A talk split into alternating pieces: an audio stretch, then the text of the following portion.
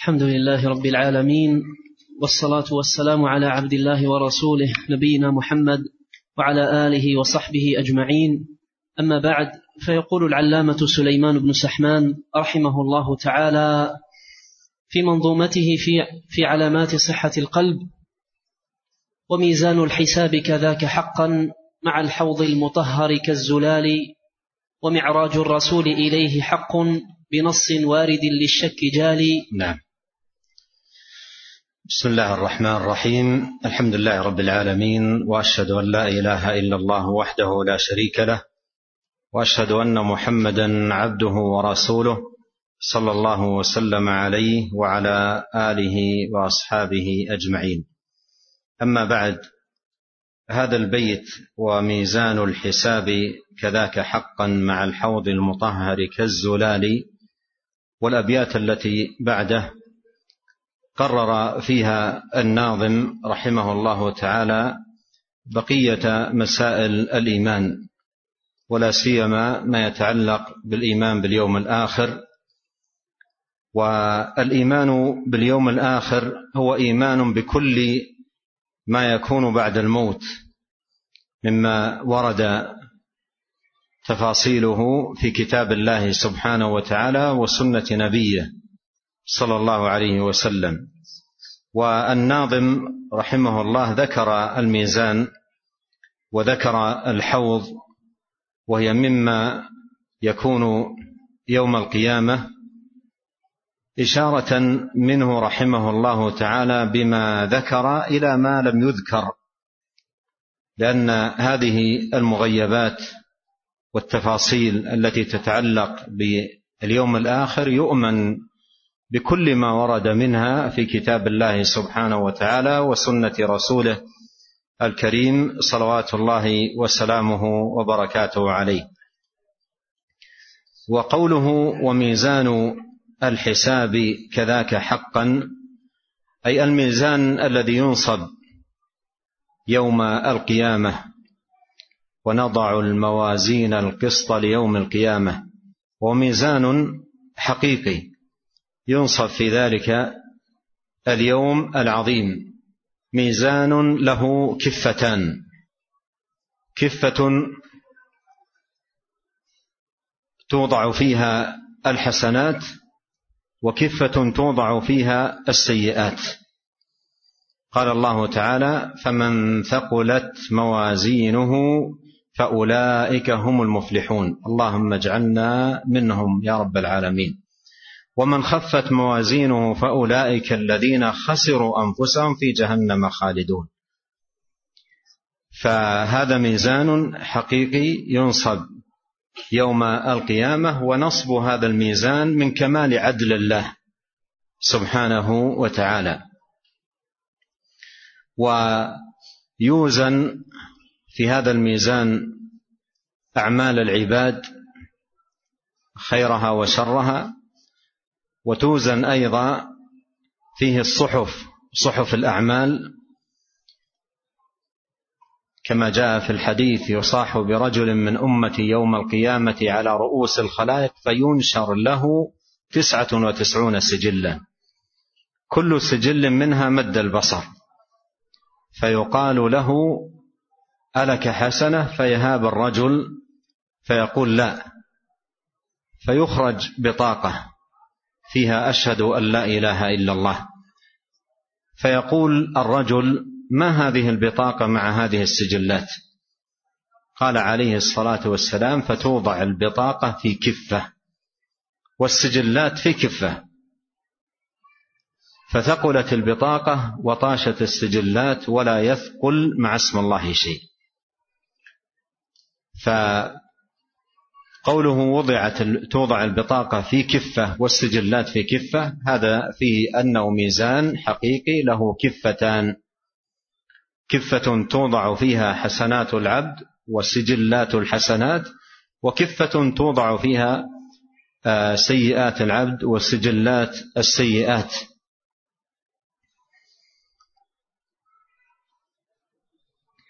مع الحوض المطهر كالزلال أيضا من الأمور التي جاءت النصوص بحقيتها وثبوتها الحوض المورود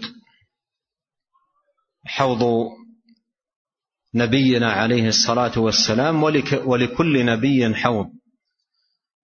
وجاء وصف الحوض المورود آه،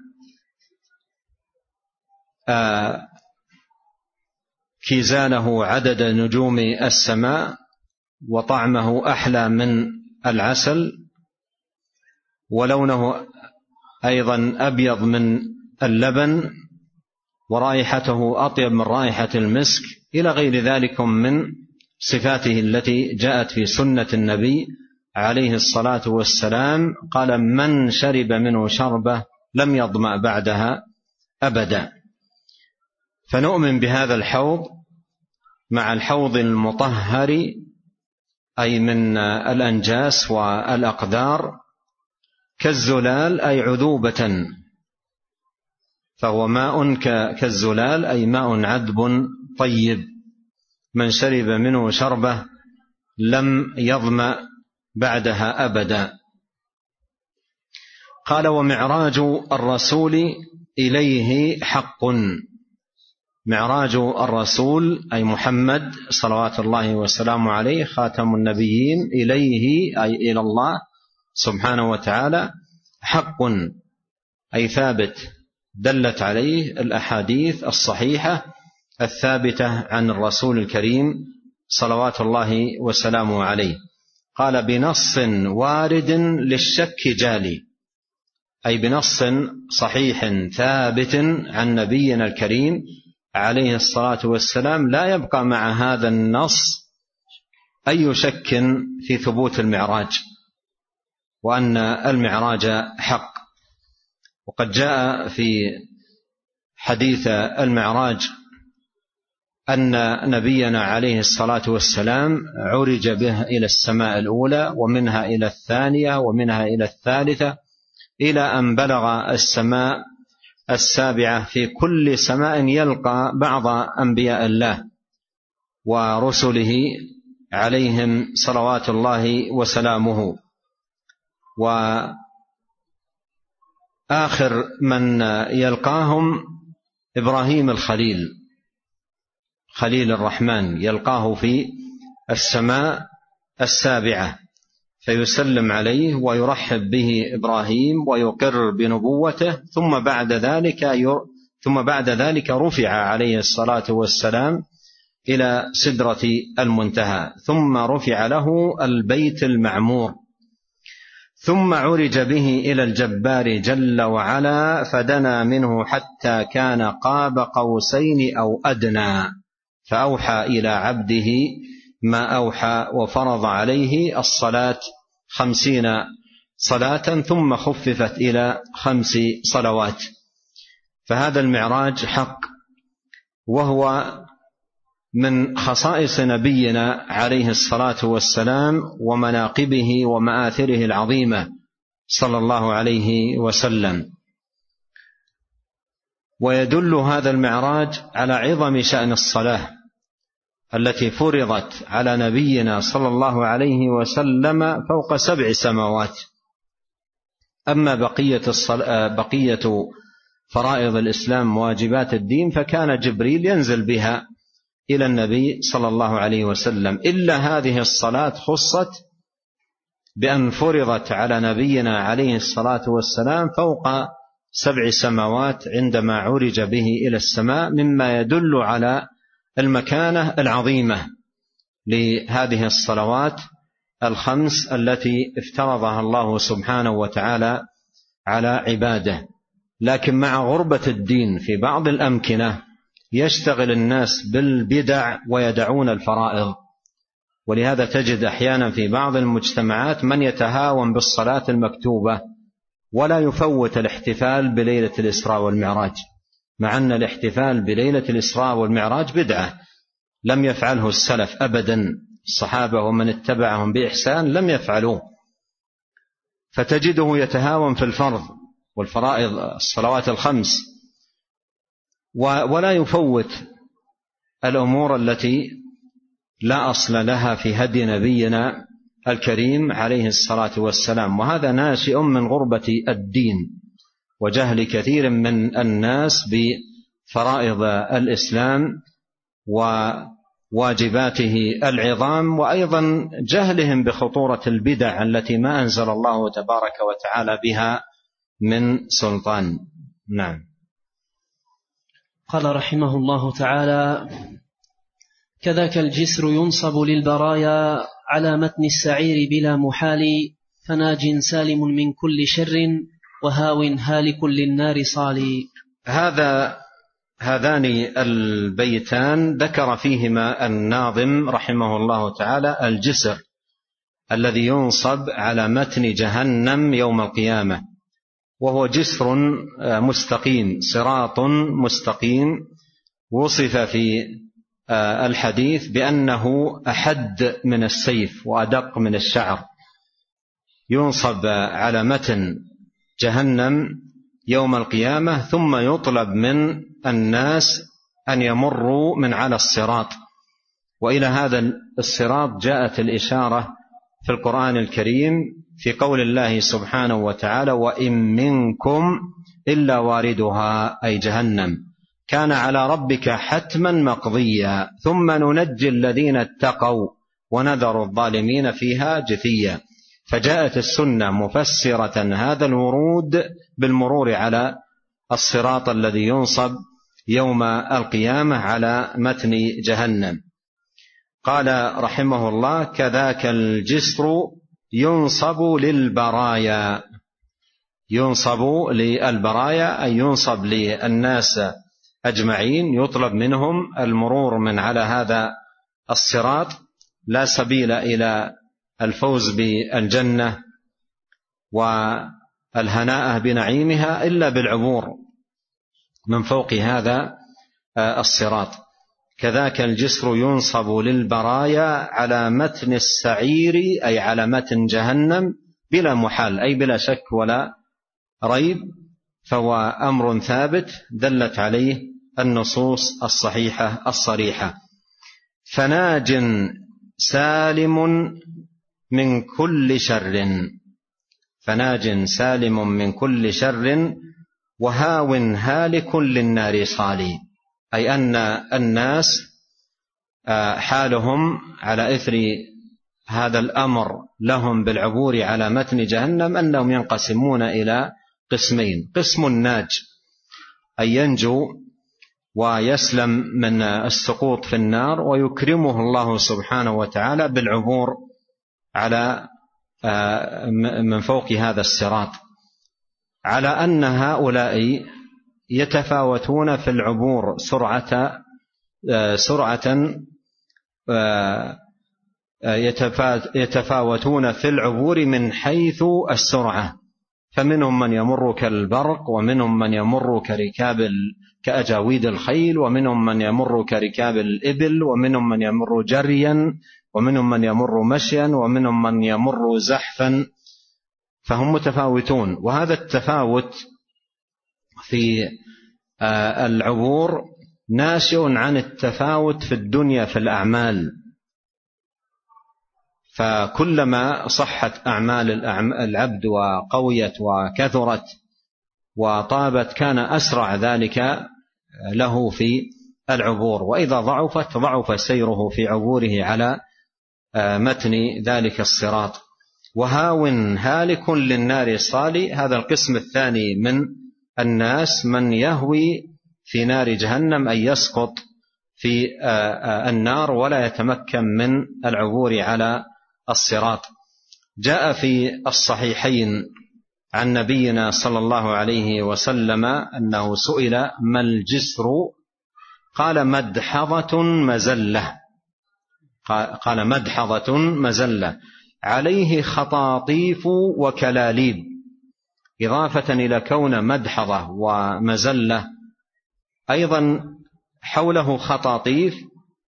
عليه خطاطيف وكلاليب. أي تخطف الناس. تخطف آه، الناس. وحسكة مفلطحة لها شوكة عقيفاء. تكون بنجد يقال لها السعدان. أيضا هذه تخطف من؟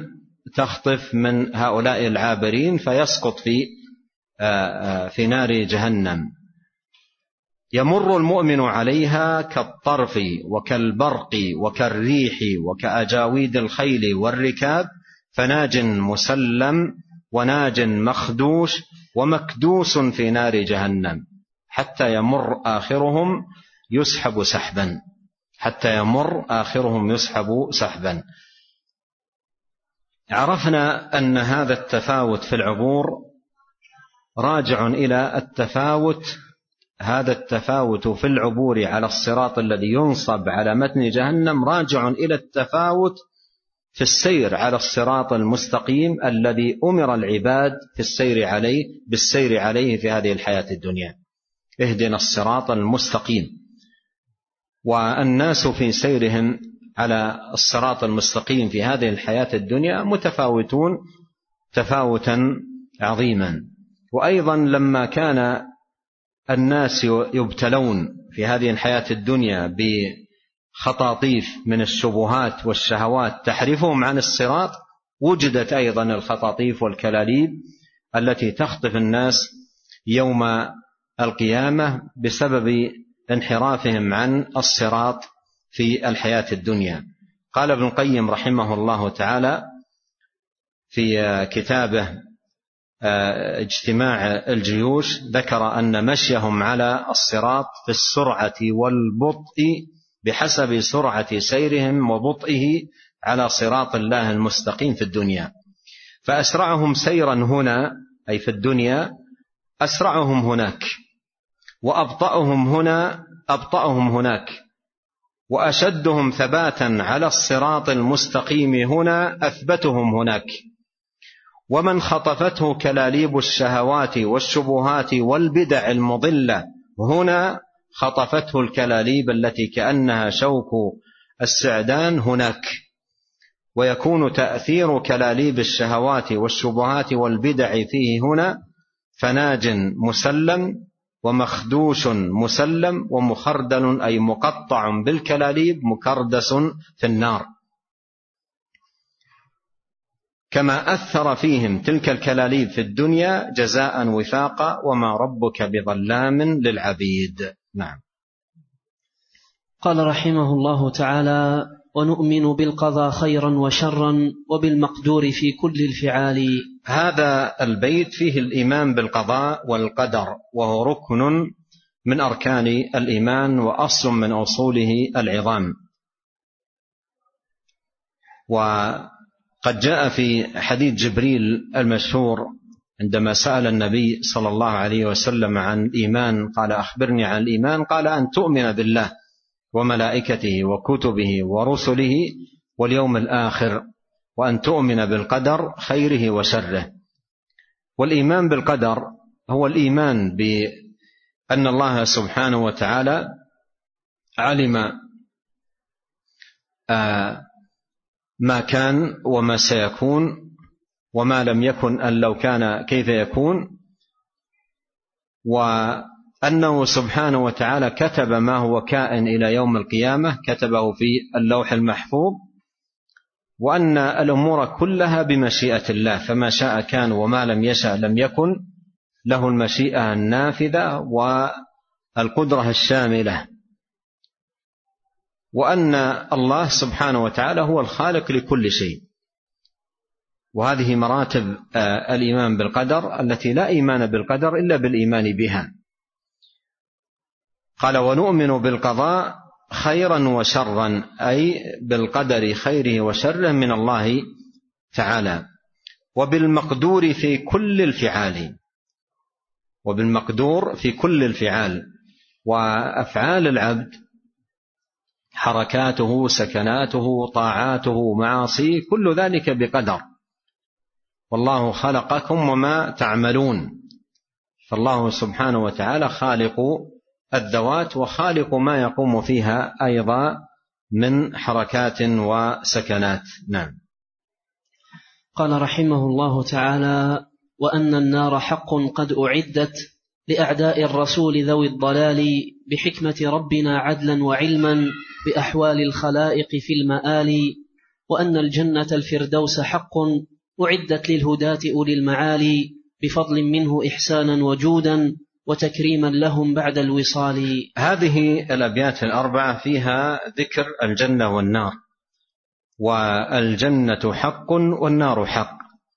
النار أعدها الله سبحانه وتعالى لأعداء الرسول ذوي الضلال بحكمته سبحانه وتعالى عدلا منه وعلما بأحوال الخلائق في المآل النار مخلوقة وموجودة. أعدت للكافرين.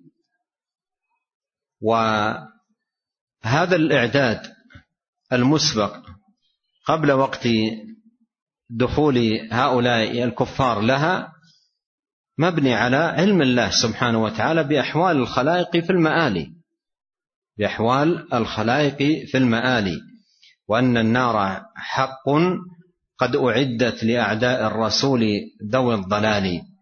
قال الله تعالى واتقوا النار التي أعدت للكافرين فالنار معدة وموجودة بعذابها وحميمها ووساقها ومخلوقة موجودة. والله سبحانه وتعالى أعدها للكافرين. يدخلونها يوم القيامة. وأن الجنة الفردوس حق أعدت للهداة. أولي المعالي. والجنة أعدها الله سبحانه وتعالى للهداة كما قال الله تبارك وتعالى أعدت للمتقين. فهي مخلوقة وموجودة أعدها الله سبحانه وتعالى للهداة أي الذين لزموا طريق الهدى وسلكوا صراط الله المستقيم. أولي المعالي أي معالي الأمور. من العلوم النافعة والأعمال الصالحة المقربة إلى الله سبحانه وتعالى. بفضل منه إحسانا وجودا وتكريما لهم بعد الوصال. هذا فضل من الله لهؤلاء الهداة أولي المعالي وإحسانا وجودا منه سبحانه وتعالى تكريما لهؤلاء للزومهم طاعة الله وعملهم بمرضاته سبحانه وتعالى. نعم. قال رحمه الله تعالى وكل في المقابر سوف يلقى بلا شك هنالك للسؤال نكيرا منكرا حقا بهذا أتانا النقل عن صحب وآل وأعمالا تقارنه فإما بخير قارنت أو سوء حال. ذكر هنا رحمه الله تعالى آه، القبر والقبر كما جاء في الحديث أول منازل الآخرة. أول منازل الآخرة. فيقول رحمه الله وكل في المقابر سوف يلقى بلا شك هنالك للسؤال نكيرا. نكيرا مفعول يلقى. نكيرا آه، مفعول يلقى. يلقى نكيرا آه، منكرا. حقا بهذا أتانا النقل عن صحب وآل. يقول آه، من جملة الاعتقاد الذي دلت عليه النصوص الإيمان بأن العبد سيلقى بلا شك ولا ريب في في القبر إذا أدرج في قبره نكيرا منكرا أي منكر ونكير. يلقى منكر ونكير وهما ملكان وكل الله سبحانه وتعالى لهما إليهما سؤال العباد. ولهذا يقال لهما الفتانان. ويقال لهما المنكر والنكير لأنهما يأتيان على صورة منكرة ليست معهودة للعبد ولم يرى قط مثلها فيما رآه فهي هيئة منكرة. فيلقى هنالك للسؤال بلا شك نكيرا منكرا. حقا بهذا أتانا النقل عن صحب وآل. هذان الملكان يأتيان الميت إذا أدرج في قبره ويسألانه من ربك ما دينك من نبيك. جاء في الصحيحين عن نبينا صلى الله عليه وسلم أنه قال العبد إذا وضع في قبره وتولى وذهب أصحابه حتى إنه ليسمع قرع نعالهم أتاه ملكان فأقعداه. فيقولان له ما كنت تقول في هذا الرجل محمد صلى الله عليه وسلم؟ فيقول أشهد أنه عبد الله ورسوله. فيقال انظر إلى مقعدك من النار أبدلك الله به مقعدا من الجنة. قال النبي صلى الله عليه وسلم فيراهما جميعا. وأما الكافر أو المنافق فيقول لا أدري كنت أقول ما يقول الناس. فيقال لا دريت ولا تليت. ثم يضرب بمطرقة من حديد ضربة بين أذنيه فيصيح صيحة يسمعها من يليه إلا الثقلين. وقول الناظم واعمالا تقارنه هذا معطوف على قوله نكيرا أي يلقى نكيرا يلقى في قبره نكيرا ومنكر ويلقى أيضا في قبره اعمالا. تقارنه فإما بخير قارنت أو سوء حال. يلقى أيضا في القبر اعمالا تقارنه في قبره. تقارن أي تكون قرينة له في قبره. وهي أعماله التي قام بها في هذه الحياة الدنيا صالحة كانت تلك الأعمال أو طالحة. ولهذا جاء في الحديث عن نبينا صلى الله عليه وسلم أنه قال يتبع الميت ثلاثة فيرجع اثنان ويبقى واحد. يرجع آه، أهله وماله ويبقى عمله. عمل الإنسان يدخل معه في قبره ويكون قرينا له سواء كان هذا العمل صالحا أو غير صالح. أما أهله فلا يدخل أحد منهم معه في قبره. وأيضا ماله لا يدخل شيء من ماله معه في قبره إلا الكفن وقطعة قماش يلف بها ثم سريعا ما تبلى تأكلها يأكلها التراب. فلا يكون معه شيء من ماله في قبره ولا يكون أيضا معه أحد من أهله في قبره. وإنما الذي يكون معه في قبره هو عمله يقارنه. قال واعمالا تقارنه فإما بخير أي تكون مقارنة له أو سوء حال أي تكون مقارنة له بسوء حال. نعم. قال رحمه الله تعالى فيا فردا بلا ثان أجرني وثبتني بعزك ذا الجلال وعاملني بعفوك واغن قلبي بفضلك عن حرامك بالحلال ونقي القلب من درن الخطايا ورشني من فواضلك الجزال ولاطف باللطائف والعنايا ضعيفا في جنابك ذا اتكال وجملني بعافية وعفو فإن تمن بعفوك لا أبالي وصلى الله ما غنت بأيك على الأغصان من طلح وضال تنادي دائما تدعو هديلا حمامات على فنن عوالي على المعصوم أفضل كل خلق وأزكى الخلق مع صحب وآل.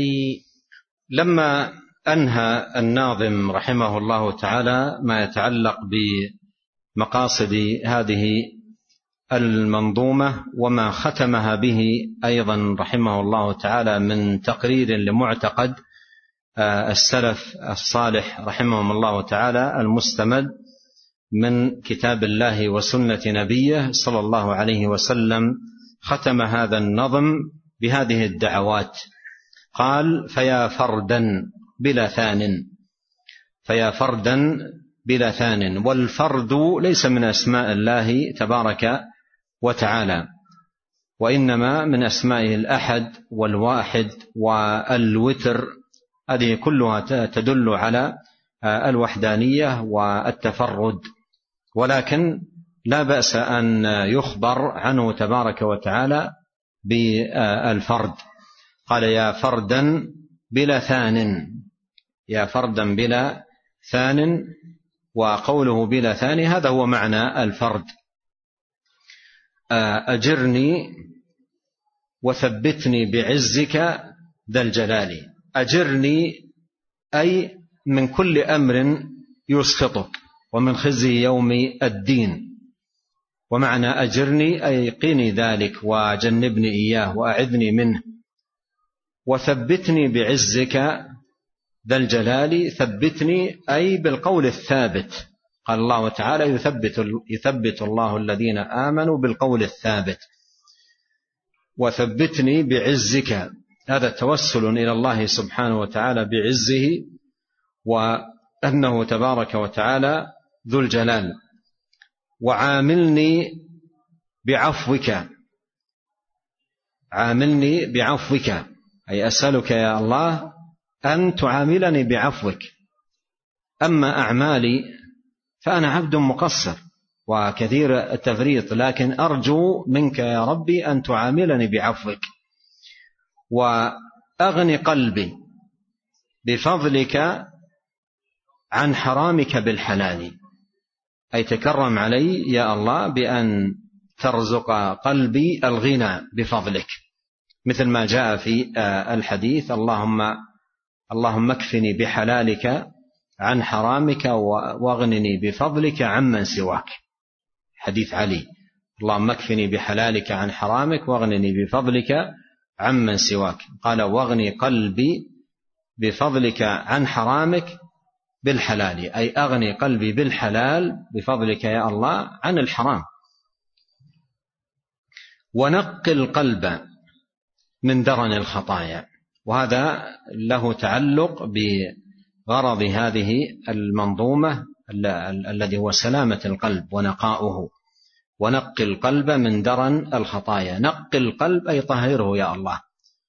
نقني من الذنوب والخطايا أي طهرني من الذنوب والخطايا. كما جاء في الدعاء المأثور ونقني من الذنوب والخطايا كما ينقى الثوب الأبيض من الدنس. ونق القلب من درن الخطايا. ورشني ب... ورشني من فواضلك الجزال. ورشني من فواضلك الجزال. رشني بمعنى ألبسني. رشني بمعنى آه، ألبسني. وفي الآية الكريمة لباسا يواري سوآتكم وريشا. لباسا يواري سوآتكم وريشا. رشني أي ألبسني. ألبسني من فواضلك آه، الجزال وهذا فيه سؤال الله تبارك وتعالى أن يكسو عبده كساء الإيمان والتقوى. قال الله تعالى ولباس التقوى ذلك خير. فيسأل الله تبارك وتعالى أن يمن عليه بهذا اللباس الذي هو لباس التقوى بأن يكون متجملا به. وأن يكون زينة للعبد كما في الدعاء الماثور اللهم زينا بزينة الإيمان واجعلنا هداة مهتدين.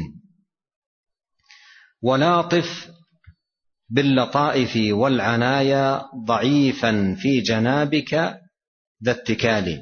يسأل الله تبارك وتعالى اللطف وأن يحيطه بعنايته وحفظه وتسديده وتوقيفه وتوفيقه ويقر بأنه عبد ضعيف لا غنى له عن ربه طرفة عين فهو متوكل على الله ملتجئ إليه سبحانه وتعالى لا غنى له عن ربه وسيده ومولاه طرفة عين. قال وجملني بعافية وعفو. فإن تمن بعفوك لا أبالي. أي لا أبالي بعد ذلك بشيء. إن تكرمني يا الله بعفوك وجملني بعافية وعفو. فإن تمن بعفوك لا أبالي. آه العافية مثل ما جاء في اللهم إني أسألك العافية في الدنيا والآخرة. اللهم إني أسألك العفو والعافية في ديني ودنياي وأهلي ومالي.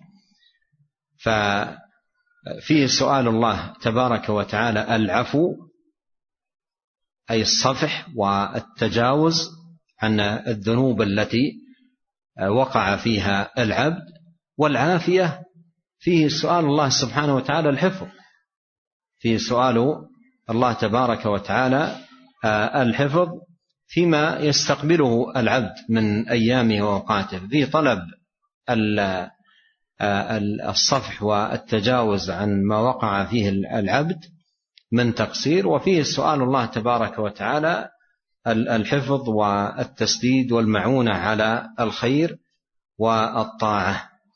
قال وصلي وصل وصلى الله ما غنت بأيك على الأغصان من طلح وضال تنادي دائما تدعو هديلا حمامات. حمامات هذا فاعل قوله غنت. غنت حمامات. وصلى الله ما غنت بأيك على الأغصان من طلح وضال تنادي دائما تدعو هديلا حمامات. على فنن عوالي على المعصوم أفضل كل خلق وأزكى الخلق مع صحب وآل. وهذا ختم لهذا النظم بالصلاة على النبي الكريم عليه الصلاة والسلام وعلى الصحب والآل. الأيك الشجر الكثير الملتف والواحدة منه أيكة. والطلح شجر عظام من العظاه. والضال في قوله من طلح وضال شجر آه، والضال هو السدر البري. الضال هو السدر آه، البري في قوله من طلح وضال. الضال آه، السدر البري. والهديل في قوله هديلا هو صوت الحمام. والفنن في قوله على فنن عوالي الغصن المتشعب. وبهذا تنتهي هذه المنظومة. اللهم انفعنا بما علمتنا وزدنا علما وأصلح لنا شأننا كله ولا تكلنا إلى أنفسنا طرفة عين. آه، آه، درس الغد كما عرفنا سيكون في كتاب روضة العقلاء ونزهة الفضلاء لابن حبان البستي رحمه الله تعالى. والكتاب سيوزع آه، في مكان التوزيع في مكتب التوعية مخرج الساحة رقم الباب 37 بجوار البقيع. مكتب التوزيع أو مكان التوزيع سيكون في مكتب التوعية مخرج الساحة رقم رقم الباب 37 من جهة البقيع. والتوزيع سيكون اليوم اعتبارا من الساعة الخامسة والنصف مساء إلى أذان المغرب ويستمر آه، التوزيع اليوم آه، في نفس آه، ويستمر التوزيع يوميا في نفس الموعد. من الخامسة والنصف اعتبارا من اليوم إلى المغرب في هذا اليوم والأيام التي بعده يتم توزيع هذا الكتاب. والله تعالى أعلم وصلى الله وسلم على عبده ورسوله نبينا محمد وآله وصحبه أجمعين. جزاكم الله خيرا.